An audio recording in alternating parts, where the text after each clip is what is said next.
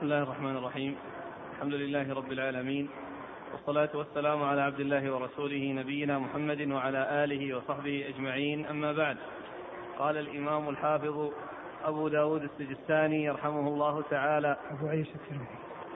قال الإمام الحافظ أبو عيسى الترمذي رحمه الله تعالى في جامعه باب ما يقول إذا سلم من الصلاة.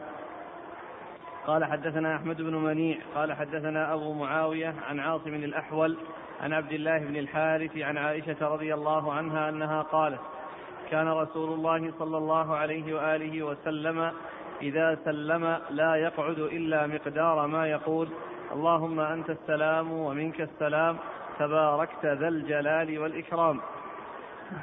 قال حدثنا هناد بن السري قال حدثنا مروان بن معاوية الفزاري وأبو معاوية عن عاصم الأحول بهذا الإسناد نحوه وقال تباركت يا ذا الجلال والإكرام. بسم الله الرحمن الرحيم. الحمد لله رب العالمين وصلى الله وسلم وبارك على عبده ورسوله نبينا محمد وعلى آله وأصحابه أجمعين. أما بعد فيقول الإمام أبو عيسى الترمذي رحمه الله في جامعه باب ما يقول إذا سلم. آه هذا هذه الترجمة معقودة للذكر بعد السلام. ولبيان الأذكار الذي يؤتى به أو التي يؤتى بها بعد السلام أي السلام من المفروضة وبعد الفراغ من الصلاة المفروضة والسلام منها فإنه يأتي بالذكر.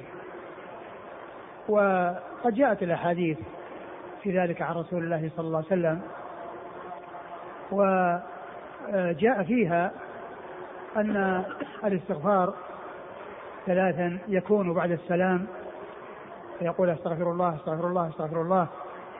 ثم يقول اللهم أنت السلام ومنك السلام تبارك يا ذا الجلال والإكرام. وهذا الذكر هو الذي يؤتى به والإمام مستقبل القبلة يأتي به الإمام وهو مستقبل القبلة. وكذلك المأمومون يأتون به أول ما يأتون به. إلا أن الإمام ينتهي استقبال القبلة عند هذا الحد. فلا يستمر مستقبل القبلة يدعو ويذكر الله عز وجل وإنما يكون عندما يأتي بهذا الذكر فقط. يستغفر الله ثلاثا ويقول اللهم أنت السلام ومنك السلام تبارك يا ذا الجلال والإكرام. فلا ينصرف الإمام من حين السلام مباشرة قبل أن يأتي بهذا الذكر ولا يزيد عليه ويستمر في الذكر حتى يفرغ وهو مول المأمومين ظهره. وإنما يكون وإنما يأتي بهذا الذكر فقط وهو مستقبل القبلة بعد أن يسلم ثم ينصرف إلى المأمومين ثم ينصرف إلى المأمومين فلا فلا ينصرف مباشرة بعد السلام ولا يزيد على هذا المقدار الذي هو كونه يأتي بهذا الذكر بعد السلام وإنما جلوسه مستقبل القبلة يكون بهذا بهذا المقدار. وذلك أن كونه يستمر فيه مخالفة للسنة وأيضا فيه يعني آآ آآ كونه يولي المأمومين ظهره باستمرار ولا ينصرف ويبقى مستقبل في مخالفة للسنة وفيه أيضا عدم استقبالهم وكونه يعني قد يكون يعني هذا شيء من الجفا في حقهم لكونهم يوليهم ظهره مستمرا. وفي ذلك كما هو معلوم مخالفة السنة لأن الرسول صلى الله عليه وسلم ما كان يزيد على على أن يأتي به اللهم أنت السلام وأنت السلام تبارك الذي الاكرام ثم ينصرف إلى المأمومين.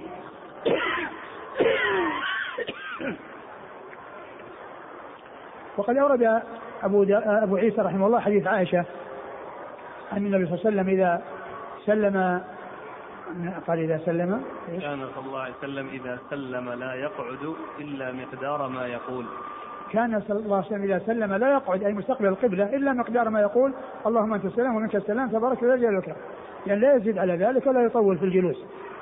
فيستغفر الله فيستغفر ثلاثا أولا استغفر الله استغفر الله استغفر الله. وهذا فيه آه أن الإنسان عندما يأتي بالعبادة ويفرغ منها يستغفر لما حصل من نقص والإنسان عرضة للنقص ويستغفر الله. ولهذا جاء حتى بعد الحج أن الإنسان يستغفر الله عز وجل. وكذلك اللهم أنت السلام ومنك السلام تبارك يا ذا الجلال والإكرام. آه، آه، هذا ذكر يؤتى به في هذا الوقت. وبعد السلام مباشرة اللهم أنت السلام ومن أسماء الله السلام. فهو السالم من كل نقص والمسلم لعباده من الضرر ومن الخطر لأن كل شيء بيده سبحانه وتعالى فهو السلام ومنه السلام. اللهم أنت السلام ومنك السلام تباركت يا ذا الجلال والإكرام. تباركت تعظيم لله سبحانه وتعالى وأنه آه الذي تأتي منه البركة والذي يأتي بكل بكل بركة. ولهذا لا يقال لغير الله سبحانه وتعالى تبارك كما لا يقال تعالى لغير الله عز وجل. وإنما هذا يقال لله سبحانه يقال تبارك وتعالى. ولا يقال لغيره تبارك وتعالى كما أنه لا يقال لغيره سبحانه وإنما هذا مما يخص به الله سبحانه وتعالى. تباركت يا ذا الجلال والإكرام يعني يعني يا ذا الجلال يعني ذا العظمة والإكرام الذي هو الإحسان وكونه صاحب العظمة وصاحب الإحسان وكل ذلك ثناء على الله سبحانه وتعالى. كل ذلك ثناء على الله وتعظيم لله سبحانه وتعالى. اللهم أنت السلام ومنك السلام. تباركت يا ذا الجلال والإكرام وفي بعض الروايات تباركت ذا الجلال والإكرام كما ذكرها المصنف. يعني ومعلوم أن أن ياء النداء تحذف يأتي أحيانا حذفها في الدعاء ويأتي أحيانا الإتيان بها. نعم. قال حدثنا أحمد بن منيع. أحمد بن منيع ثقة أخرج له أصحاب الكتب الستة.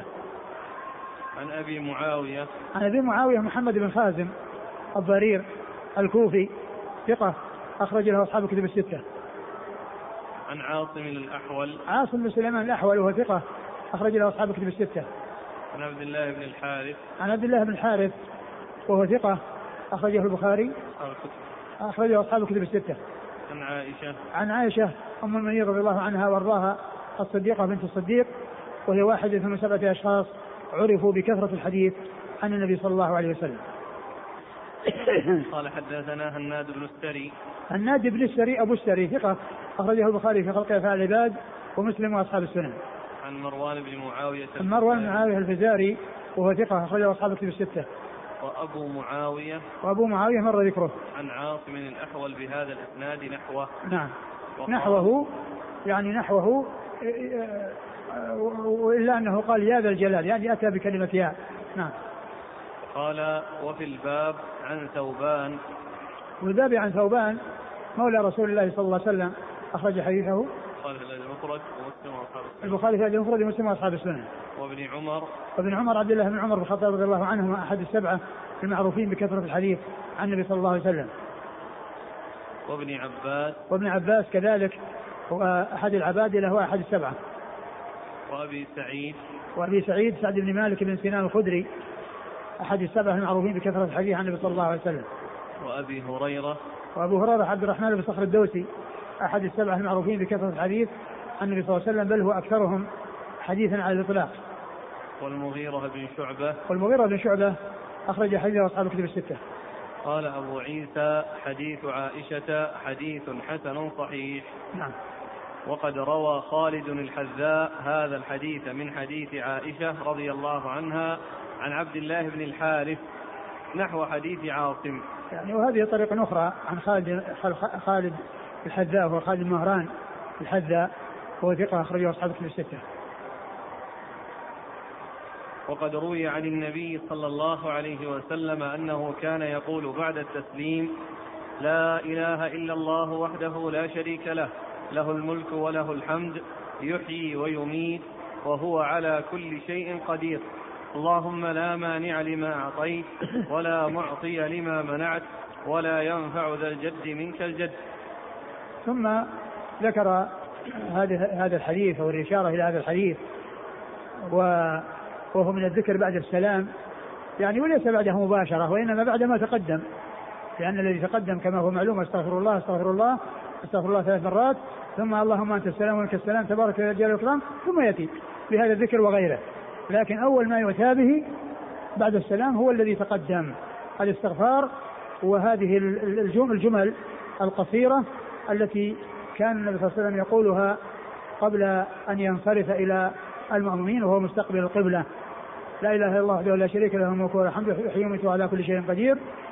وفي بعض الروايات بدون يحيي ويميت وعلى بدون يحيي ويميت وهذا من الذكر الذي يؤتى به بعد بعد بعد السلام. يعني من الذكر الذي يؤتى به بعد السلام. هو تعظيم لله عز وجل وثناء عليه. وبيان أنه الإله الحق الذي لا تكون العبادة إلا له. لأن قوله لا إله إلا الله وحده لا شريك له. فيه كلمة الإخلاص وتأكيد كلمة الإخلاص بقوله وحده لا شريك له. لأن لا إله إلا الله هذه كلمة التوحيد وكلمة الاخلاص المبنية على النفي والإثبات. نفي العبادة عن كل ما سوى الله وإثباتها لله عز وجل. والخبر لا النافيه للجنس حق محذوف تقديره حق يعني لا إله حق إلا الله. لأن ولا يقال لا إله موجود لأن الآلهة الموجود الآلهة الباطلة موجودة ليست معدومة. الآلهة الباطلة موجودة وليست معدومة. ولهذا لا يقال لا إله موجود فإن الآلهة الباطلة موجودة. ولكن الخبر حق يعني لا إله حق إلا الله. فكلمة حق تخرج الآلهة الباطلة. وأن الله تعالى هو الإله الحق الذي لا تكون العبادة إلا له وكل من سواه إذا عبد فعبادته باطلة. وهي عبادة للطاغوت وعبادة لغير الله سبحانه وتعالى. ثم أكد ذلك بقوله وحده لا شريك له. لأن كلمة وحده مؤكدة إلا الله الذي هو الإثبات. ولا شريك له مؤكدة بقول لا إله. فكأنها جاءت مرتين. فكأن كلمة الإخلاص جاءت مرتين.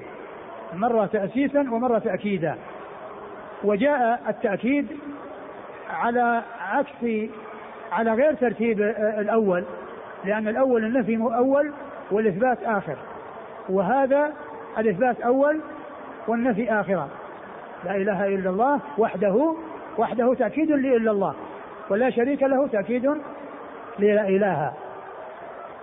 له الملك وله الحمد. يعني هذا ثناء على الله عز وجل وتعظيم له وأن له أنه مالك الملك وأنه المحمود على كل حال. وهذا مثل ما جاء في في التلبية. لبيك اللهم لبيك لبيك لا شريك لك لبيك إن الحمد والنعمة لك. فيؤتى بإفراد الله بالعبادة وتخصيص الله بالعبادة وبيان أن أنه هو أن هذا أن الله عز وجل الذي هو المألوه المعبود هو الذي هو مالك الملك وهو الذي يستحق الحمد. لأن كل ما بالناس من نعمة فهي منه سبحانه وتعالى. كما قال الله عز وجل أن تعدوا نعمة الله لا تحصوها. فما بالخلق من نعمة ظاهرة أو باطنة إلا والله تعالى المنعم بها المتفضل بها.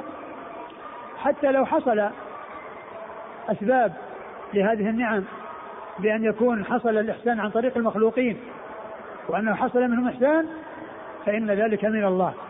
لأن الله هو الذي ساقهم وهو الذي جعل قلوبهم تلين لهذا الذي تعطف عليه وتحسن إليه. و ولو شاء لأقساها ومنعها. ولكنه هو الذي آه، جعلها تلين وتعطف فهو لا مانع لما أعطى ولا معطي لما منع سبحانه وتعالى. فكل النعم هي من الله سواء كانت بسبب أو بدون سبب.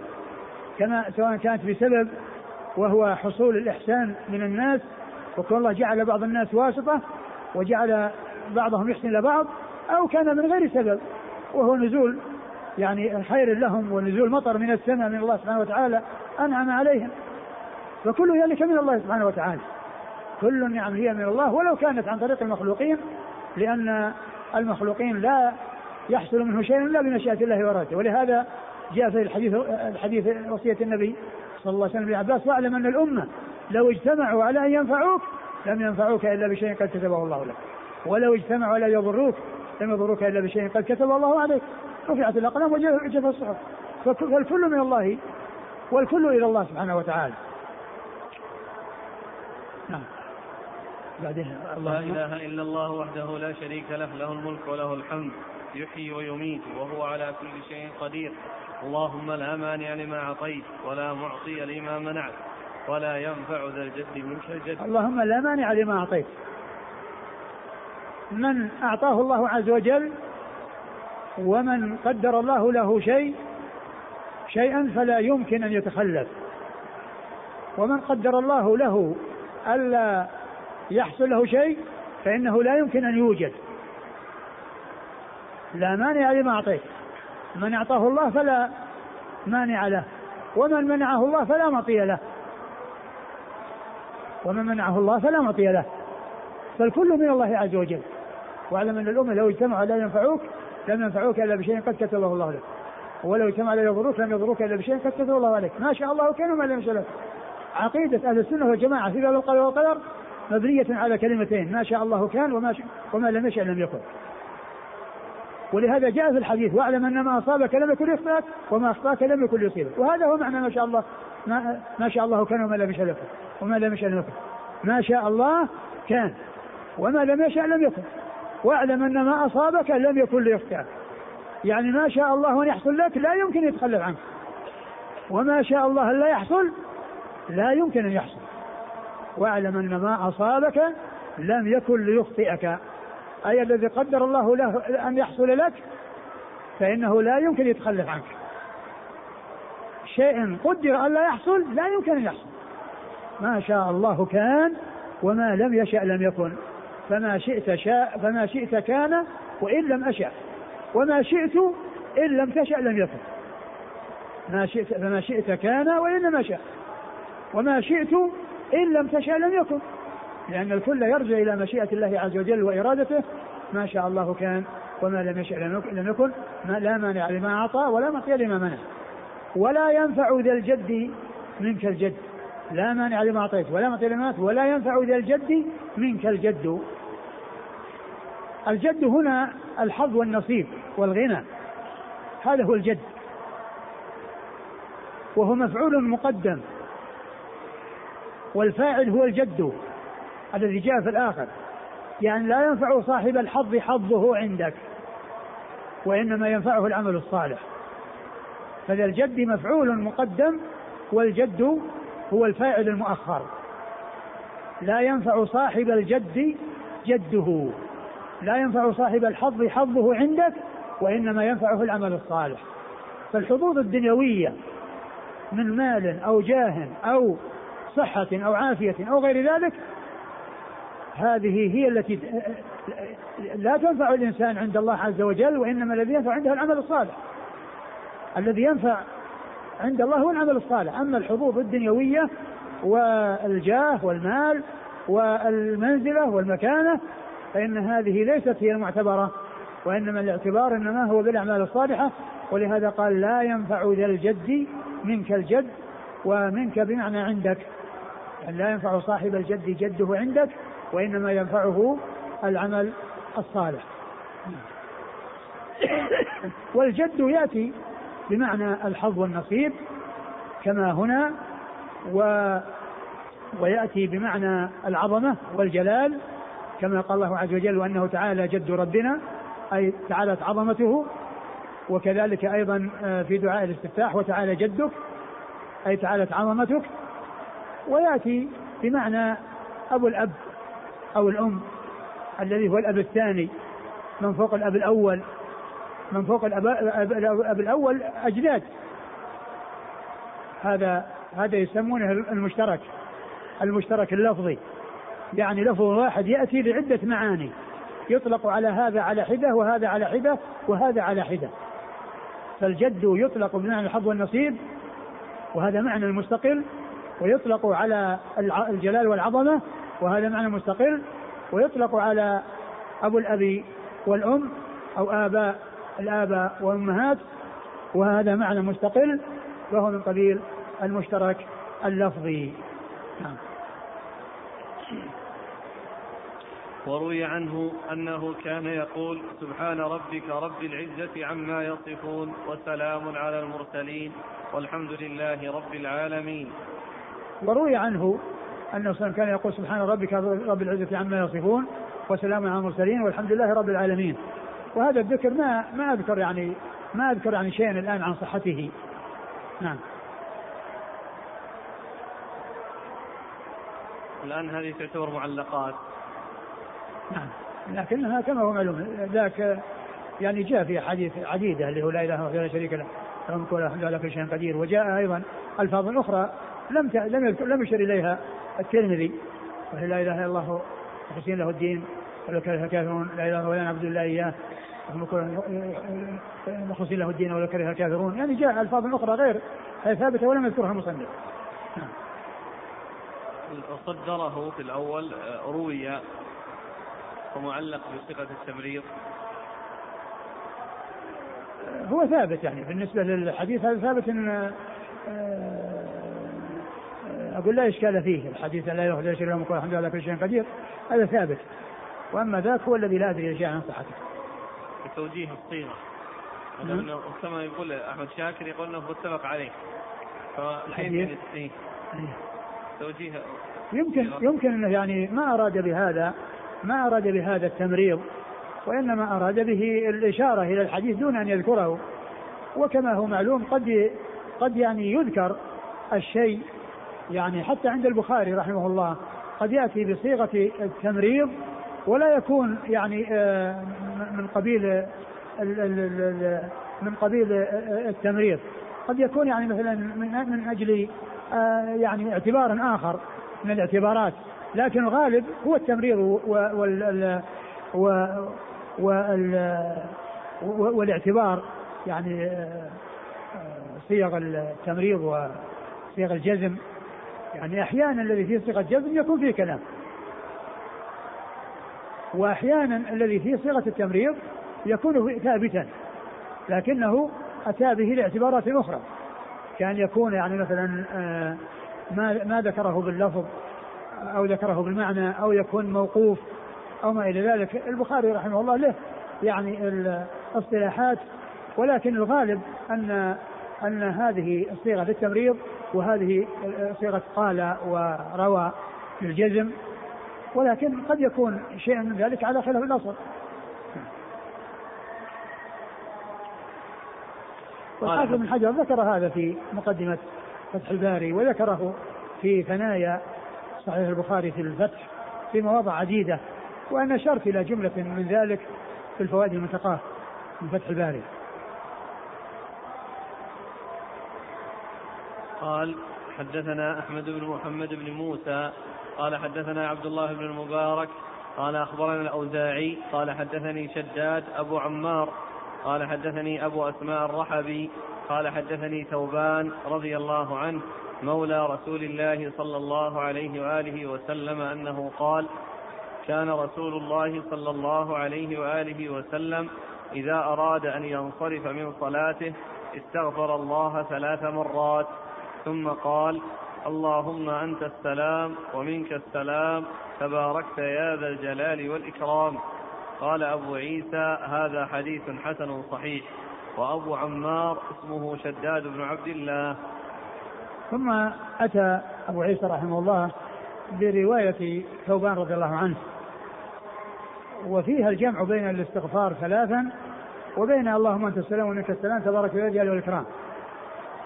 وهو الذي أشار إليه المصنف في قوله في الباب عن فلان وفلان فإنه ذكر في الباب هذا الذي عن ثوبان وأن فيه جمعا بين الاستغفار وبين هذا الذكر الذي هو اللهم السلام ومنك السلام تباركت يا ذا الجلال والإكرام. وجاء في بعض الروايات إذا انصرف إذا سلم. كلمة إذا إذا انصرف يعني ال ال الواضحة في المعنى إذا إذا إذا انصرف يعني من صلاته. لأن الانصراف المقصود به السلام. يعني إذا انصرف بالسلام. إذا فرغ من صلاته بالسلام وانصرف منها بالسلام أول ما يقول أستغفر الله أستغفر الله ثلاث مرات اللهم أنت السلام ومنك السلام تبارك يا ذا الجلال والإكرام. نعم. اللفظة التي عندنا إذا أراد أن ينصرف من صلاته استغفر الله. وجاء في الرواية الأخرى من ذكرها من شاف إيش قال في الآخر كان إذا انصرف أي من الصلاة؟ مشاكل ما ذكر في الشرح مبارك فوري؟ ما ذكر هذا؟ الشيخ شاكر ما ذكر رواية الانصراف إذا انصرف؟ لا. ما أشار إليها؟ بشيء الشرح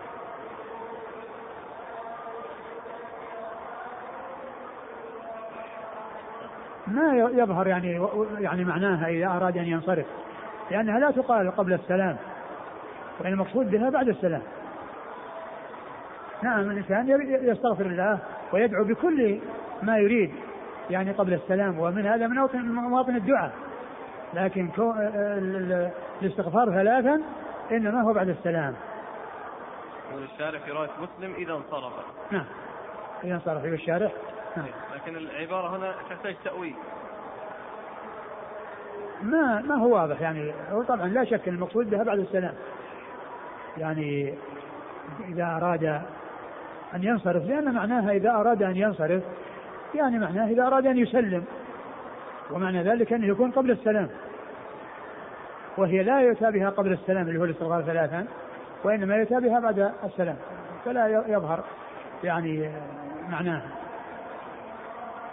قال حدثنا أحمد بن محمد بن موسى أحمد بن محمد بن موسى هو مردوية وهو ثقة أخرج له البخاري والترمذي والنسائي البخاري والترمذي والنسائي عن عبد الله بن المبارك عبد الله المبارك عبد الله بن المبارك المروزي ثقة أخرجه أصحاب كتب الستة. عن الأوزاعي. الأوزاعي عبد الرحمن بن عمرو الأوزاعي ثقة أخرجه أصحاب كتب الستة. عن شداد أبي عمار. عن شداد أبي عمار وهو شداد بن عبد الله وهو ثقة أخرج له. البخاري في الأدب المفرد ومسلم وأصحاب السنن. البخاري في الأدب المفرد ومسلم وأصحاب السنن. عن أبي أسماء الرحبي. عن أبي أسماء الرحبي هو عمرو بن مرثد وهو ثقة أخرجه أصحاب أصحاب الكتب الستة. البخاري في المفرد ومسلم. البخاري في المفرد ومسلم وأصحاب السنة. عن ثوبان. عن ثوبان مولى رسول الله صلى الله عليه وسلم وقد مر ذكره. قال أبو عيسى هذا حديث حسن صحيح وأبو عمار اسمه شداد بن عبد الله. الله إليك. جاء عدد من الأسئلة فيما ثبت في الصحيحين. عن ابن عباس كنت أعرف انقضاء صلاة الرسول صلى الله عليه وسلم بالتكبير. وذكرت بأنها أول ما يبدأ به الاستغفار. نعم جاء هذا في الصحيحين. وجاء حديث آخر أيضا في الصحيحين أن رفع الصوت بالذكر حين ينصرف الناس من المكتوبة كان على عهد رسول الله صلى الله عليه وسلم. ومعلوم أن التكبير هو بعض الذكر. التكبير هو بعض الذكر ولا شك أنه من الذكر الذي يكون بعد الصلاة. سبحان الله والحمد لله والله أكبر. سبحان الله والحمد لله والله أكبر. فيعني فيكون عبر عن عن الذكر ببعضه. كما أنه في الحديث الآخر أتى به عاما ولم يذكر يذكر التكبير حيث قال إن رفع الصوت بالذكر حين ينصرف الناس المكتوبه كان على عهد رسول الله صلى الله عليه وسلم. فيكون الجمع بينها بأن يحمل أستغفر الله أستغفر الله كما جاء في الأحاديث التي بين ذلك إذا انصرف من المكتوبة قال اللهم أستغفر الله أستغفر الله اللهم السلام السلام تبارك يا جلال الإكرام وكان هذا إلى القبلة ثم بعد ذلك ينصرف إلى الناس ويأتي بالذكر ومنه سبحان الله والحمد لله والله أكبر وهل هذه الأذكار التي ذكرها الترمذي ممكن أن يؤتى بها بعد النافلة؟ لا ما بها بعد النافلة هذه بعد الفريضة.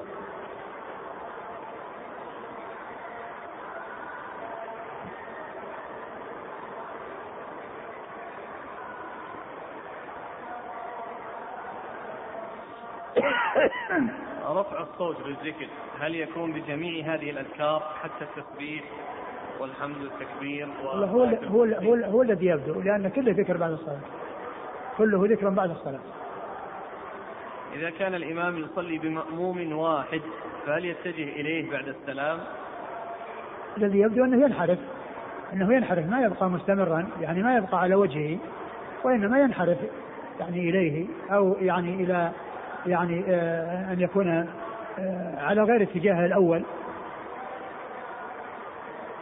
يقول هل هذه الأذكار يلزم أن تكون في الجلسة أو يجوز تأخيرها والإتيان بها حال المشي بعد الخروج من المسجد والله لا شك أن كون الإنسان يعني يطمئن بعد السلام ويجلس وإذا كان مضطر للقيام وأنه بحاجة إلى القيام فيأتي بها ويمشي. وهل يلزم الترتيب بين هذه الأذكار؟ ليس بلازم. الذي ورد لا شك أنه لا بد منه الذي هو مقدم.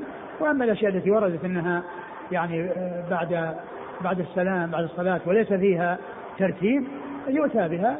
يعني لو قدم بعضها على بعض ما في بأس لكن الذي ورد وهو أستغفر الله أستغفر الله أستغفر الله اللهم انت السلام وانت السلام تبارك يا جل والاكرام هذا ورد أنه يؤتى به وأول شيء وأن الإمام كذلك يأتي به قد قبل أن ينصرف إلى الناس.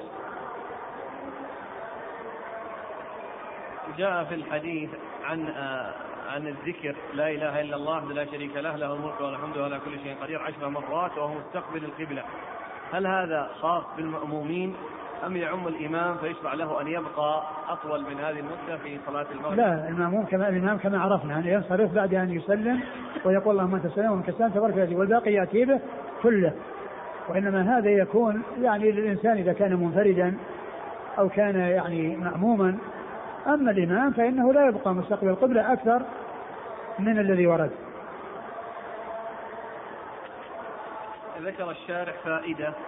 قال اعلم أن علماء أهل الحديث قد اختلفوا في هذا الزمان في أن الإمام إذا انصرف من الصلاة المكتوبة هل يجوز له أن يدعو رافعا يديه ويؤمن من خلفه ومن المأمومين رافع أيديهم؟ فقال بعضهم بالجواز وقال بعضهم بعدم جوازه ظنا منهم أنه بدعة. قالوا إن ذلك لم يثبت عن رسول الله صلى الله عليه وسلم بسند صحيح. بل هو أمر محدث وكل محدث بدعة وكل محدث بدعة. ثم قال أدلة الجواز. كما قولكم. هو ذكر يعني الأدلة وبعضها يعني كان يعني دعاء على أناس يعني أو دعاء لأناس مستضعفين يعني وشيء يعني آه، خاص وليس شيئا عاما. وبعضها يعني ما يعني آه، ذكر يعني شيئا عن صحته وإنما أشار إلى كون الهيثمي قال رجالهم موثقون. ومعلوم أن يعني مثل ذلك لا يكفي. تحتاج إلى يعني معرفة الأسانيد وكونها ثابتة. يعني هل وصلت إلى حد أنه يحتج بها أو لا يحتج بها؟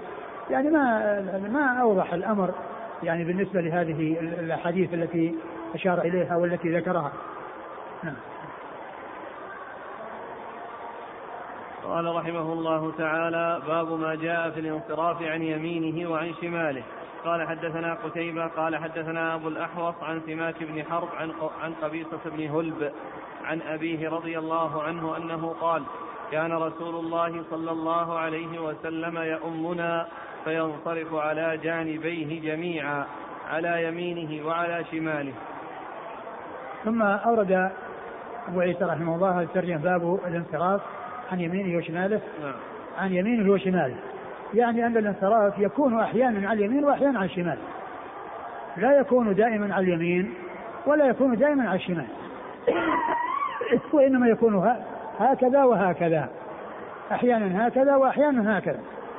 وهذا ثبت عن رسول الله صلى الله عليه وسلم أنه كان يعني أحيانا عن يمينه وأحيانا عن شماله وقد جاء عن بعض الصحابة يعني عن أنس ما يدل على أنه أكثر ما كان ينصرف على شماله وجاء عن ابن مسعود إنه كان أكثر ما ينصرف على يمينه وكل حكى ما غلب على ظنه أو ما اعتقده بأنه فعله رسول الله صلى الله عليه وسلم. ولكن كل ذلك يدل على أن الانصراف على اليمين والشمال أنه ثابت عن رسول الله صلى الله عليه وسلم. ثابت عن رسول الله عليه الصلاة والسلام فينصرف عن يمينه أو عن شماله. وكل ذلك سائر ولا يلتزم الإنسان يعني شيئا معينا لا يتعداه. ولهذا جاء في بعض في حديث في صحيح مسلم عن ابن مسعود أو في الصحيحين عن مسعود قال لا يجعل الإنسان أو المسلم للشيطان حظا من صلاته يعني لا, لا يرى أنه لا ينصرف إلا عن يساره فقد رأيت إنسان أكثر ما كان ينصرف على يمينه. يعني آه يعني معناه انه لا يلتزم يعني شيء معين ويقول هذا هو الذي يفعل ولا يفعل غيره بل الانسان يفعل هذا ويفعل هذا. لأنه جاء هذا عن رسول الله صلى الله عليه وسلم وجاء هذا عن رسول الله عليه الصلاة والسلام. والحاصل أن الانصراف عن اليمين وعن شمال كل ذلك ثبتت به السنة عن رسول الله صلوات الله وسلامه وبركاته عليه. نعم. قال حدثنا قتيبة قتيبة بن سعيد بن جميل بن طريف البغلاني ثقة أخرجه أصحاب كتب الستة. عن أبي الأحوص عن الأحوص أبي الأحوص سلام بن سليم الحنفي ثقة أخرجه أصحاب كتب الستة. عن سماك بن حرب. سماك بن حرب صدوق أخرجه البخاري تعليقا ومسلم وأصحاب السنن. عن قبيصة بن هلب. عن قبيصة بن هلب وهو مقبول أخرج له أبو داود والترمذي وابن ماجه. أبو داود والترمذي وابن ماجه. عن أبيه وهو صحابي أخرج له أبو داود والترمذي وابن ماجه. قال وفي الباب عن عبد الله بن مسعود. عبد الله بن مسعود الهذلي صاحب رسول الله عليه الصلاة والسلام وحديثه أخرجه أصحاب كتب الستة. وأنس وأنس بن مالك رضي الله عنه خادم رسول الله عليه الصلاة والسلام وأحد السبعة المعروفين بكثرة الحديث عنه عليه الصلاة والسلام. وعبد الله بن عمرو عبد الله بن عمرو بن العاص رضي الله عنهما أحد العبادله الأربعة من أصحاب رسول الله عليه الصلاة والسلام وحديثه أخرجه أصحاب الكتب الستة. وأبي هريرة وأبو هريرة مر ذكره.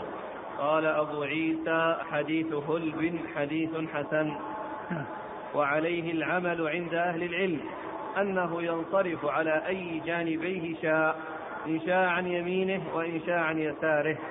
وقد صح الأمران عن النبي صلى الله عليه وآله وسلم. ويروى عن علي بن أبي طالب رضي الله عنه أنه قال إن كانت حاجته عن يمينه أخذ عن يمينه وإن كانت حاجته عن يساره أخذ عن يساره. نعم. علي بن أبي طالب.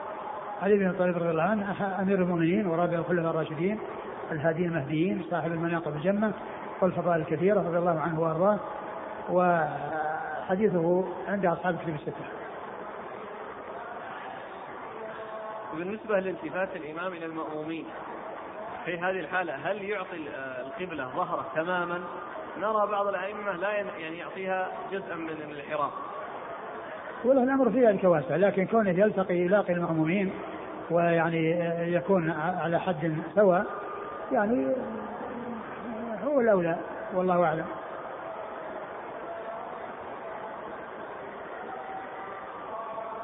قال رحمه الله تعالى باب ما جاء في وصف الصلاة قال حدثنا علي بن حجر قال أخبرنا إسماعيل بن جعفر عن يحيى بن علي بن يحيى بن خلاد بن رافع الزرقي عن أبيه عن جده عن رفاعة بن رافع رضي الله عنه أن رسول الله صلى الله عليه وآله وسلم بينما هو جالس في المسجد يوما قال رفاعة ونحن معه إذ جاءه رجل كالبدوي فصلى فأخف صلاته ثم انصرف. فسلم على النبي صلى الله عليه وآله وسلم فقال النبي صلى الله عليه وآله وسلم وعليك ترجع فصل فإنك لم تصلي. فرجع فصلى ثم جاء فسلم عليه. فقال وعليك فارجع فصل فإنك لم تصلي ففعل ذلك مرتين أو ثلاثة كل ذلك يأتي النبي صلى الله عليه وآله وسلم فيسلم على النبي صلى الله عليه وآله وسلم فيقول النبي صلى الله عليه وآله وسلم وعليك فارجع فصل فإنك لم تصلي فخاف الناس وكبر عليهم أن يكون من أخف صلاته لم يصلي فقال الرجل في آخر ذلك فأرني وعلمني فإنما أنا بشر أصيب وأخطئ. فقال أجل. إذا قمت إلى الصلاة فتوضأ كما أمرك الله ثم تشهد وأقم. فإن كان معك قرآن فاقرأ. وإلا فاحمد الله وكبره وهلله. ثم اركع فاطمئن راكعا. ثم اعتدل قائما ثم اعتدل قائما. ثم اسجد فاعتدل ساجدا ثم اجلس فاطمئن جالسا ثم قم. فإذا فعلت ذلك فقد تمت صلاتك وإن انتقصت منه شيئا انتقصت من صلاتك. قال وكان هذا أهون عليهم من الأول أنه من انتقص من ذلك شيئا انتقص من صلاته ولم تذهب كلها. ثم أورد أبو عيسى رحمه الله باب في وصف الصلاة. يعني يبين كيفية صفة الصلاة وكيفية الصلاة ويعني آه، هيئاتها وما على الإنسان أن يكون عليه فيها. وهذا وقد أورد في حديث المسيء صلاته عن رفاعة بن رافع وعن أبي هريرة رضي الله تعالى عنهما. وذكر حديث رفاعة بن رافع آه، أن رجلا كالبدوي جاء وصلى والنبي صلى الله عليه وسلم ومعه أصحابه في ناحية المسجد ومعلوم أن هذه آه، كأنها صلاة تحية المسجد وأنها نافلة يعني يريد أن يصلي ثم يأتي ويجلس مع الرسول صلى الله عليه وسلم وأصحابه. والرسول صلى الله عليه وسلم ينظر إليه وقد أخف صلاته يعني لم يطمئن فيها. فجاء وسلم على الرسول صلى الله عليه وسلم ورد عليه السلام وقال ارجع فصلي. فرجع وصلى كصلاته الأولى. ثم الثانية كذلك ثم إنه قال إنني آه، أرني وعلمني أرني وعلمني يا رسول الله صلى الله عليه وسلم فالرسول صلى الله عليه وسلم قال أجل يعني علمه صلى الله عليه وسلم قال نعم إذا قمت إلى الصلاة فتوضأ كما أمرك الله. فتوضأ كما أمرك الله يعني لابد من الوضوء لابد من الطهارة الماء إذا كان موجودا وإلا ينتقل إلى التيمم. توضأ كما أمرك الله في قول الله عز وجل يا أيها الذين إذا قمتم إلى الصلاة فاغسلوا وجوهكم وأيديكم المرافق وامسحوا برؤوسكم وأرجلكم الكعبين. كما أمرك الله. ثم تشهد وأقم. وقيل إن المقصود بالتشهد يعني إما أن ذكر الله بعد الوضوء أو إن المقصود به الأذان. أو المقصود به الأذان. وأقم. وهذا يعني إشارة إلى ما يتعلق بالمفروضه لأن النوافل ليس فيها إقامة. ليس فيها لها آذان ولا إقامة النوافل وإنما ذلك في المفروضة. فالرسول صلى الله عليه وسلم أرشده على الكيفية التي يفعلها في صلاة الفرض وهو أنه يتوضأ وبعد ذلك يعني يتشهد وإذا كان منفردا وفي فلاة أو كذلك يعني في أي مكان فله أن يؤذن ويصلي ويقيم. له أن يؤذن ويقيم ولكنه إذا أذن يعني في فلاة يرفع صوته. وإذا كان في غير فلاة لا يرفع صوته حتى لا يحصل منه تشويش على الناس الذين يسمعونه و فيكون في ذلك تشويش. وثم بعد ذلك يكبر يعني يدخل الصلاة بتكبيرة الإحرام التي هي آه المدخل إلى الصلاة والدخول في الصلاة إنما يكون بها. وقد قال عليه الصلاة والسلام تحريمها التكبير وتحليلها التسليم. تحريمها التكبير وتحليلها التسليم. ثم إن كان معك قرآن فاقرأ وإلا فاحمد الله وهلله وهذا يدل على أنه لا بد من قراءة القرآن. والواجب هو الفاتحة والمتعين هو الفاتحة. والإنسان إذا لم يكن عنده شيء منها ليس عنده شيء من القرآن فإنه يحمد الله ويهلله ويكبره ولكن يجب عليه أن يتعلم. وأن يبادر التعلم. ولكن قبل أن يتعلم يأتي بسبحان الله والحمد لله والله أكبر. سبحان الله والحمد لله ولا إله إلا الله والله أكبر. يعني وهذا يأتي به في حال القيام بدل القراءة. ولكن عليه أن يبادر إلى تعلم القراءة التي لا بد منها وهي الفاتحة التي هي ركن من أركان الصلاة. فاحمد الله وهلله و... ثم اركع حتى تطمئن راكعة. يعني معناه أنه حتى يستقر في ركوعه ويثبت في ركوعه. ما هو يهوي هكذا دون أن يستقر؟ لأنه إذا حصل كذلك لا يعتبر مصليا. يعني كونه يهوي وقبل أن يستقر ويهدى يرفع يعني آه، آه، آه، انخفاض وارتفاع بدون استقرار وبدون هدوء ولو يسيرا. يعني المقصود هو الشيء اليسير الذي يحصل به الفرق أما مجرد أن يهوي والهوي نفسه الحركة ما انقطعت. حركة النزول جاء بعدها مباشرة حركة القيام. دون أن يكون هناك اطمئنان هذا ما يعتبر أتى. أتى بالواجب وأتى بالركن. والرسول صلى الله عليه وسلم قد بين في الصلاة لهذا المسيء الأركان التي هي الأعمال. ولهذا فإن أكثر. يعني الأركان هي في الأعمال. بخلاف الواجبات فإن الأكثر هو في الأقوال. الواجبات الأكثر فيها الأقوال. يعني اللي هو التكبير غير الأولى وقول سبحان ربي العظيم وسبحان ربي الأعلى وسمع الله ربنا ولك الحمد سمع الله لمن حمده. كل هذه واجبات وهي أقوال. ولكن الأركان هي في الأفعال أكثر.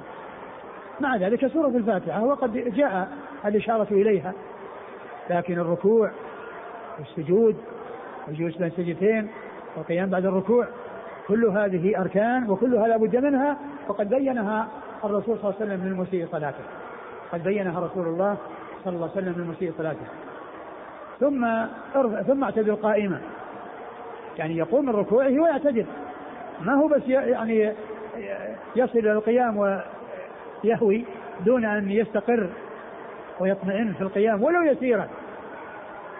الواجب يحصل بالشيء المجزي الذي هو كون الإنسان يقوم مطمئنا. أما الإطالة فلا شك أنها مستحبة وأن الإنسان يطمئن ويطيل في صلاته ولكن الوجوب الإجزاء وإبراء الذمة يكون بكونه يطمئن. بمعنى أنه يعني لا يتصل الحركة بالحركة بل خلاص يستقر في قيامه يستقر في قيامه ثم أسجد حتى تطمئن ساجدا في سجوده ثم أعتدل جالسا ثم أسجد حتى تطمئن ساجدا. فبين الرسول صلى الله عليه وسلم له الأفعال التي هي أركان وبين له أنه لا بد من الاطمئنان وأن الإنسان يأتي بالركن ويطمئن فيه لا أن يتصل الركن بالركن بأن يكون القيام اتصل بالركوع والركوع اتصل بالقيام وكلها حركة متصلة دون أن يكون هناك ثبوت واطمئنان واستقرار في كل واحد منها. لأنه قال اطمئن واعتدل.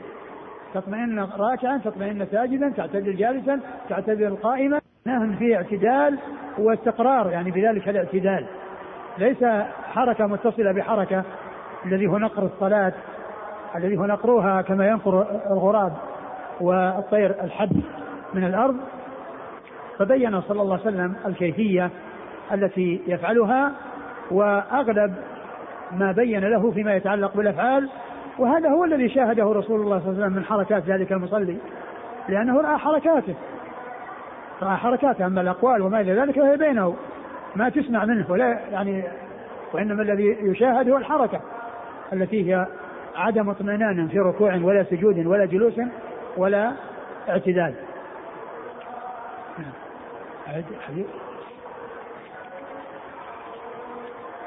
عن رفاعة بن رافع رضي الله عنه أن رسول الله صلى الله عليه وآله وسلم بينما هو جالس في المسجد يوما. قال رفاعة ونحن معه. إذ جاءه رجل كالبدوي فصلى فأخف صلاته ثم انصرف. فسلم على النبي صلى الله عليه وسلم. ثم أخف صلاته يعني صلى صلاة خفيفة. ثم انصرف يعني انصرف سلم يعني مقصود انصرف من الصلاة. وليس المقصود انه انصرف يعني مشى لأنه ما مشى لأنه جاء إلى الرسول صلى الله عليه وسلم. ويحتمل أن تكون هذه نافلة تحية المسجد ويحتمل أن يكون ذلك بعد الصلاة وأنه جاء متاخرا وأنه صلى. وأنه صلى الفريضة. محتمل هذا ومحتمل هذا. نعم. فسلم على النبي صلى الله عليه وسلم فقال النبي صلى الله عليه وآله وسلم وعليك. الذي يبدو أن المساله فيه اختصار يعني في السلام لأن السلام إنما يكون السلام عليكم والجواب عليكم السلام. إذا أجاب بمثل ما سلم به وإذا زيد عليه عليكم السلام ورحمة الله وبركاته كما قال الله عز وجل وإذا حييتم بتحيه فحيوا بأحسن منها فحيوا بأحسن منها وردوها فال أما كونه يعني يؤتى به يعني آه، آه، أو يقصر عن الشيء الذي حصل فهذا يعني آه، ما يظهر وإنما الذي يظهر أن هذا في اختصار. يعني قال وعليك يعني أنه قال وعليك السلام وليس المقصود أنه قال وعليك فقط نعم. فارجع فصلي فإنك لم تصلي. فرجع فصلى ثم جاء فسلم عليه فقال وعليك. فارجع فصلي فإنك لم تصلي. ففعل ذلك مرتين أو ثلاثا كل ذلك يأتي النبي صلى الله عليه وسلم فيسلم على النبي صلى الله عليه وسلم. فيقول النبي صلى الله عليه وعلى آله وسلم وعليك. لعل الرسول صلى الله عليه وسلم لما يعني كرر عليه وطلب منه أن يكرر لأنه ظن أو قد يكون خشي أن يكون أنه شيء آه، على غير الأصل وعلى غير شيء المعتاد وأنه حصل منه تخفيف طارئ.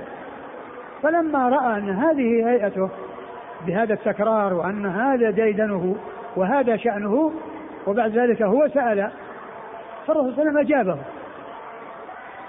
الرسول صلى الله عليه وسلم أجابه ولم يجب من أول وهلة. احتمال أن يكون هذا شيء طارئ. وأنه قد يكون وراءه شيء أحسن منه وأكمل منه وأنه يعني قد دفع قد يكون دفع إلى ذلك الاستعجال.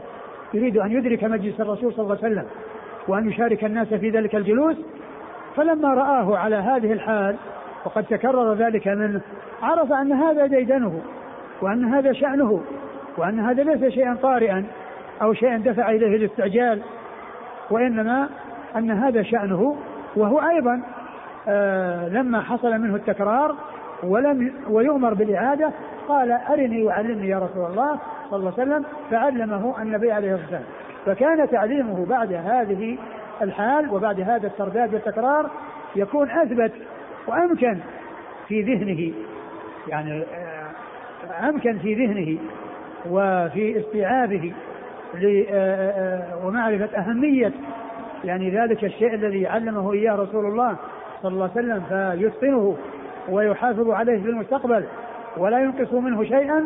لا شك أن هذا الذي حصل فيه فائدة كبيرة للسائل ولذلك المسيء صلاته وكذلك لغيره حيث عرفوا يعني ما علمه النبي صلى الله عليه وسلم إياه وعرفوا كذلك اهتمام الرسول صلى الله عليه وسلم بذلك وأن هذا أمر مهم وأن الصلاة يعني يجب أن يعتنى بها وأن يحرص على الاتيان بها على الوجه الذي يحصل به براءة الذمة. نعم. فخاف الناس وكبر عليهم أن يكون من أخف صلاته لم يصلي معلوم أن من أخف صلاته التخفيف يعني يكون مجزئا ويكون غير مجزئ التخفيف ليس على حد سواء قد يكون تخفيفا ليس معه استقرار وإنما هو نقر فهذا غير مصلي. فهذا غير مصلي. وقد يكون تخفيفا مع الاستقرار. تخفيفا مع الاستقرار ومع الإجزاء. فالشيء الذي آه، خافوه لا شك أنه الذي فيه نقص. ليس فيه وليس ليس فيه الذي عدم الإتيان بالركن وعدم الإتيان بالشيء الذي لا بد منه. نعم. فقال الرجل في آخر ذلك فأرني وعلمني. فقال فإنما أنا بشر أصيب وأخطئ فقال أجل. إذا قمت إلى الصلاة فتوضأ كما أمرك الله ثم تشهد وأقم. فإن كان معك قرآن فاقرأ وإلا فاحمد الله وكبره وهلله. ثم اركع فاطمئن راكعا ثم اعتدل قائما ثم اسجد ثم, ثم اسجد فاعتدل ساجدا. ثم اجلس فاطمئن جالسا ثم قم. فإذا فعلت ذلك فقد تمت صلاتك وإن انتقصت منه شيئا انتقصت من صلاتك. قال وكان هذا أهون عليهم من الأول أنه من انتقص من ذلك شيئا انتقص من صلاته ولم تذهب كلها. نعم بس إذا كان ما وجد الركن ولا وجد الأركان تذهب كلها لأنه لا بد من الإتيان بالأركان. التي هي الركوع والسجود والقيام والجلوس والجلوس بين السجدتين. هذه لا بد منها. ولكن معلوم أن الناس يتفاوتون في صلاتهم ومن الناس من يسبق صلاته حتى لا يكتب له يعني إلا نصفها إلا كذا حتى قد إلا عشرها إلا عشرها. لكن معنى ذلك أنها أجزأت وحصل منه الإجزاء أو حصل الإجزاء. ولكن الأركان لا بد منها. والإنسان إذا لم يأتي بالأركان فإن صلاته لا تصح. أو إذا لم يأتي بشيء من الأركان صلاته لا تصح.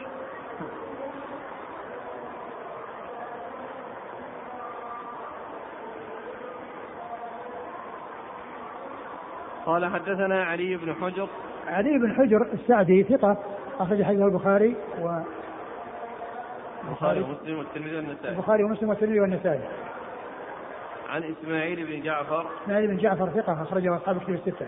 عن يحيى بن علي بن يحيى بن خلاد بن رافع الزرقي.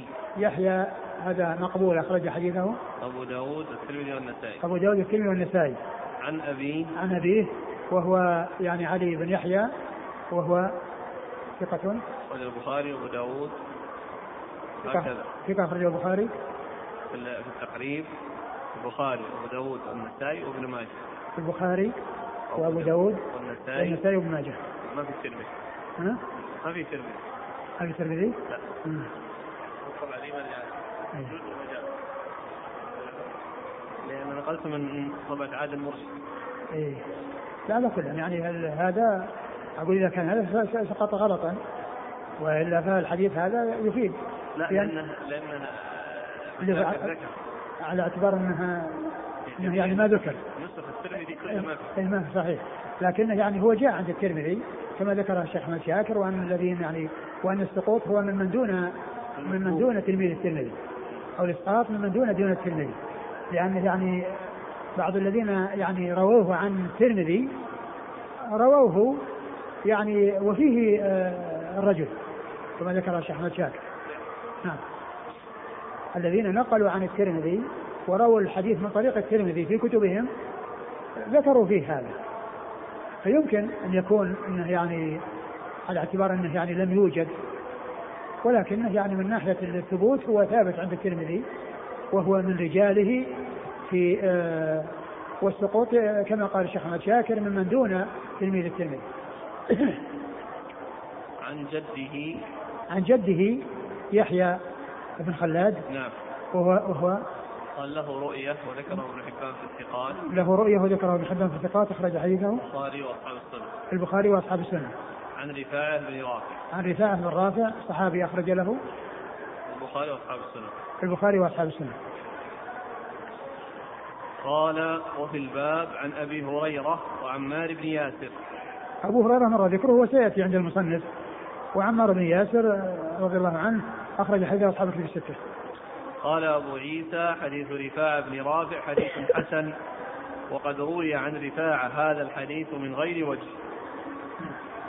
قال حدثنا محمد بن بشار قال حدثنا يحيى بن سعيد القطان قال حدثنا عبيد الله بن عمر قال أخبرني سعيد بن أبي سعيد عن أبيه عن أبي هريرة رضي الله عنه أن رسول الله صلى الله عليه وآله وسلم دخل المسجد فدخل رجل فصلى. ثم جاء فسلم على النبي صلى الله عليه وسلم فرد عليه السلام فقال ارجع فصلي فإنك لم تصلي. فرجع, فرجع الرجل فصلى كما كان صلى. ثم جاء إلى النبي صلى الله عليه وعلى آله وسلم فسلم عليه فرد عليه السلام فقال له رسول الله صلى الله عليه وآله وسلم ارجع فصل فإنك لم تصلي. حتى فعل ذلك ثلاث مرار. فقال له الرجل والذي بعثك بالحق ما أحسن غير هذا. فعلمني. فقال إذا قمت إلى الصلاة فكبر ثم اقرأ بما تيسر معك من القرآن ثم اركع حتى تطمئن راكعا ثم ارفع حتى تعتدل قائما ثم اسجد حتى تطمئن ساجدا ثم ارفع حتى تطمئن جالسا وافعل ذلك في صلاتك كلها. ثم أورد أبو عيسى رحمه الله حديث أبي هريرة رضي الله عنه. وهو آه، في الصحيحين. و آه، المصنف رحمه الله قدم عليه حديث رفاعة. وهذا الصنيع يدل على أنه ليس يعني آه، ترتيب الترمذي على أنه يعني أنه يقدم الأقوى فالأقوى. لأن معلوم حديث أبي هريرة أصح من حديث رفاعة وقد قال عنه أنه حديث حسن وأما حديث أبي هريرة فإسناده كما هو واضح رجاله كلهم يعني آه ثقات و آه إيش الإسناد؟ إستاذ أبي هريرة؟ محمد بن بشار عن يحيى بن سعيد القطان عن عبيد الله بن عمر عن سعيد بن أبي سعيد عن أبيه عن أبي هريرة. نعم وهذا كلهم من رجال الكتب الستة. كلهم من رجال الكتب الستة ويعني وهو متفق عليه الحديث. وأما ذاك فيه من هو مقبول وقد قال فيه نفس الترمذي حديث حسن. فهذا يعني يفيد أو يدل على أنه على أنه ليس أو لا يقال إن شأن الترمذي أنه يقدم ما كان أصح وما كان أقوى لأن هذا الصنيع يعني يخالف ذلك. وحديث أبي هريرة مثل حديث. رفاعة يعني في كون آه، رجل جاء وصلى وجاء وسلم عنه وسلم ورد عليه السلام فقال ارجع فصلي فإنك لم تصلي وكرر ذلك ثلاثا ثم إنه قال لا أحسن غير هذا فعلمني. ثم علمه النبي صلى الله عليه وسلم مثل ما جاء في حديث رفاعة إلا في زيادات يعني آه، في بعضها. ومعناها واحد ومؤداها واحد وكلها تدل على يعني شيء واحد إلا أن بينها شيء من التفاوت في آه، بعض العبارات. نعم قال حدثنا محمد بن بشار محمد بن بشار هو الملقب بن دار ثقة أخرجه أصحابه في الستة. عن يحيى بن سعيد القطان. بن سعيد القطان ثقة أخرجه أصحابه في الستة. عن عبيد الله بن عمر. عن عبيد الله بن عمر العمري المصغر وهو ثقة أخرجه أصحابه في الستة. عن سعيد بن أبي سعيد. سعيد بن أبي سعيد المقبري ثقة أخرجه أصحابه في الستة. عن أبيه. عن أبيه وهو ثقة أيضا أخرجه أصحابه في الستة. عن أبي هريرة. عن أبي هريرة رضي الله عنه وقد مر ذكره. قال أبو عيسى هذا حديث حسن صحيح. نعم. قال وقد روى ابن نمير هذا الحديث عن عبيد الله بن عمر عن سعيد المقبري عن أبي هريرة. لم يذكر فيه عن أبيه عن أبي هريرة. وهذا لا يؤثر لأن سعيد بن أبي سعيد روى عن أبيه وروى عن أبي هريرة. فيعني ذلك لا يؤثر. لأن أباه شيخه ولأن أبا هريرة أيضا شيخه. وهو يروي عن عن أبي هريرة مباشرة وبدون وبواسطة. يروي بواسطة أبيه ويروي بدون واسطة أبيه بل مباشرة. فلا يؤثر يعني كونه جاء. فيمكن أن يكون يعني سمعه من أبيه ثم سمعه من أبي هريرة فيكون رواه على الوجهين. ابن نمير. ابن نمير هو عبد الله بن نمير ثقة أخرجه أصحاب كتب الستة. قال ورواية يحيى بن سعيد عن عبيد الله بن عمر أصح التي فيها الاتصال يعني التي فيها ذكر الأب. الأبناء. وسعيد المقبري قد سمع من أبي هريرة وروى عن أبيه عن أبي هريرة. يعني على كل كل منها صحيح. وأبو سعيد المقبري اسمه كيسان. وسعيد المقبري يكنى أبا سعد. وكيسان عبد كان مكاتبا لبعضهم. قال رحمه الله باب من أه والله تعالى أعلم وصلى الله وسلم وبارك على عبده ورسوله نبينا محمد وعلى آله وأصحابه أجمعين. جزاكم الله خيرا وبارك الله فيكم ونفعنا الله بما قلتم. يقول الأخ استدل بعض العلماء على سنية جلسة الاستراحة بحديث المسيء في صلاته حيث قال له ثم اجلس فاطمئن جالسا ثم قم في أي حديث؟ في أي حديثين؟ حديث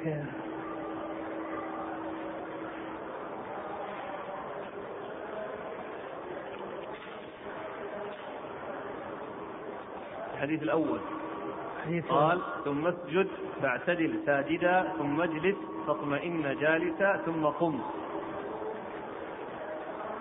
فإذا فعلت ذلك فقد تمت صلاتك لما قال له فإن كان معك قرآن فاقرأ وإلا فاحمد الله وكبره وهلل. ثم اركع فاطمئن راكعا ثم اعتدل قائما ثم اسجد فاعتدل ساجدا ثم اجلس فاطمئن جالسا ثم قم. يعني معلوم أن جلسة الاستراحة ليست من الأركان ولا من الواجبات ولو تركت يعني ما ترتب عليها شيء ولكنها ثابتة في حديث أبي حميد الساعدي. الذي سيأتي وكذلك في غيره. فال الاستراحة يعني كما هو معلوم ليست من الأركان. نعم. وهل يستدل بالحديث بوجوب الطمأنينة لا على ركنيتها؟ لا هي ركن ركن الطمأنينة ركن. يعني يعني ال ال الذي هو الحد الأدنى. الاطمئنان الذي هو الحد الأدنى هذا لا بد منه. وأما الاطمئنان الذي هو التمكن والإطالة يعني إذا كان الإنسان اماما مأموما أو إماما من غير مشقه على الناس فهذا هو الذي يكون يعني مستحبا يكون مستحبا يعني اللي هو الزيادة على الواجب أو اللي هو الركن. يقول وهل يستفاد من الحديث أن الإنسان كلما ابتعد ورجع ولو بدون فاصل أو حاجز يعيد إلقاء السلام. أي نعم هذا يدل يدل على أن الإنسان إذا انصرف يعني ثم رجع إلى الناس وإن لم يكن هناك فاصل مثل مثل هذا الذي حصل لأنه انصرف وانقطع عنهم وانفصل عنهم ثم إنه رجع إليهم. ما مدى صحة قول من قال أنه إذا جمعت ألفاظ هذا الحديث فإن ما عداه ليس بواجب؟ وما مدى تطبيق ذلك فقهيا؟ لا يقال أنه يعني ما عدا ذلك ليس بواجب بل أيضا ولا يقال ليس بركن لأن الرسول صلى الله عليه وسلم يعني علمه الأشياء الظاهرة البارزة وإلا معلوم أن التسليم هو من الأركان وأنه لا بد منه. التسليم هو من الأركان ولم يذكر في الحديث. وإنما المقصود يعني الهيئة التي شاهد الرسول من أفعاله في ركوعه وجلوسه وسجوده وقيامه وأنه لم وإنما أنه كان مسرعا فيها وغير مستقر فيها فأرشده النبي صلى الله عليه وسلم إلى إلى ذلك. ومعلوم أن الذي هو الحد الأدنى هو الذي يحصل له الركنية وما جاء ذلك فهو مستحب. يقول إذا دخل أحد في المسجد فهل يجوز له أن يسلم أن يسلم على أصحابه قبل تحية المسجد؟ إذا كان مر بهم ولم يجلس يسلم. وأما إذا كان يعني سيجلس معهم فإنه يصلي أولا ثم يأتي إليهم. يصلي ناحية ثم يأتي ويسلم عليهم. أما إذا وصلهم فإنه يسلم عليهم. ولكن ليس له أن يجلس إلا وقد صلى إذا كان في وقت آه، صلاة. ليس في وقت نهي.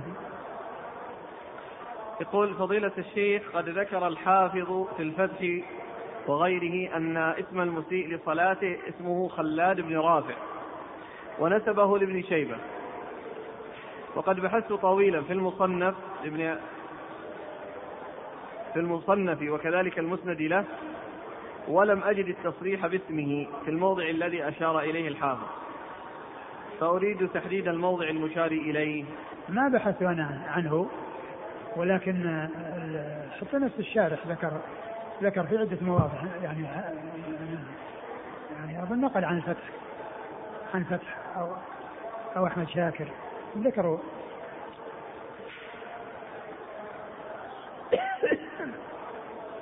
قول الرسول صلى الله عليه وسلم ثم تشهد وأقم. هل هذا يدل على أن الصلاة التي أساء فيها هي فريضة بدليل أنه أمره بالتشهد؟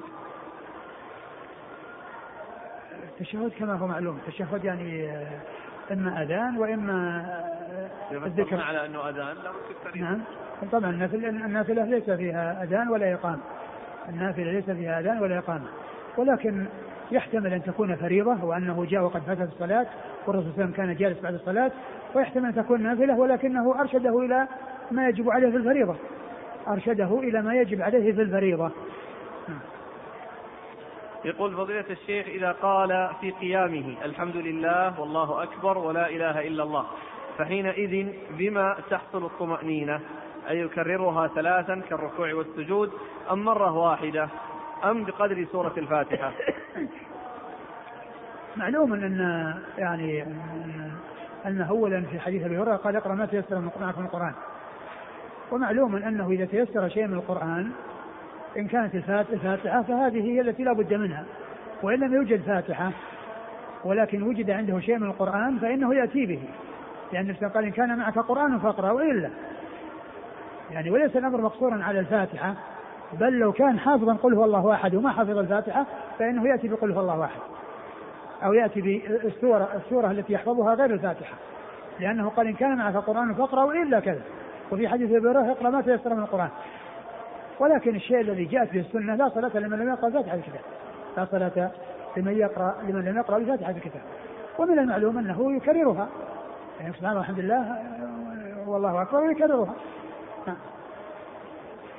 يقول شيخنا رفع الأيدي من الإمام والمأموم في الدعاء بعد الصلاة كثير في بلدنا فهل ننكر عليهم إنكارا شديدا على أنه بدعة أو نعاملهم على أنها مسألة خلافية؟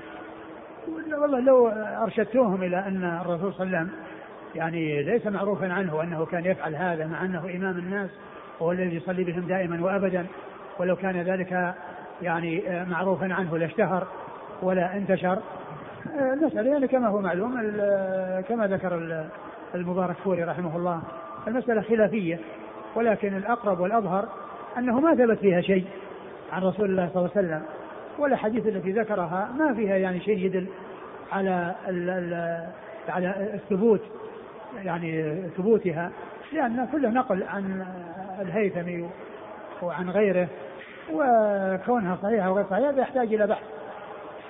جزاكم الله خيرا وبارك الله فيكم ونفعنا الله بما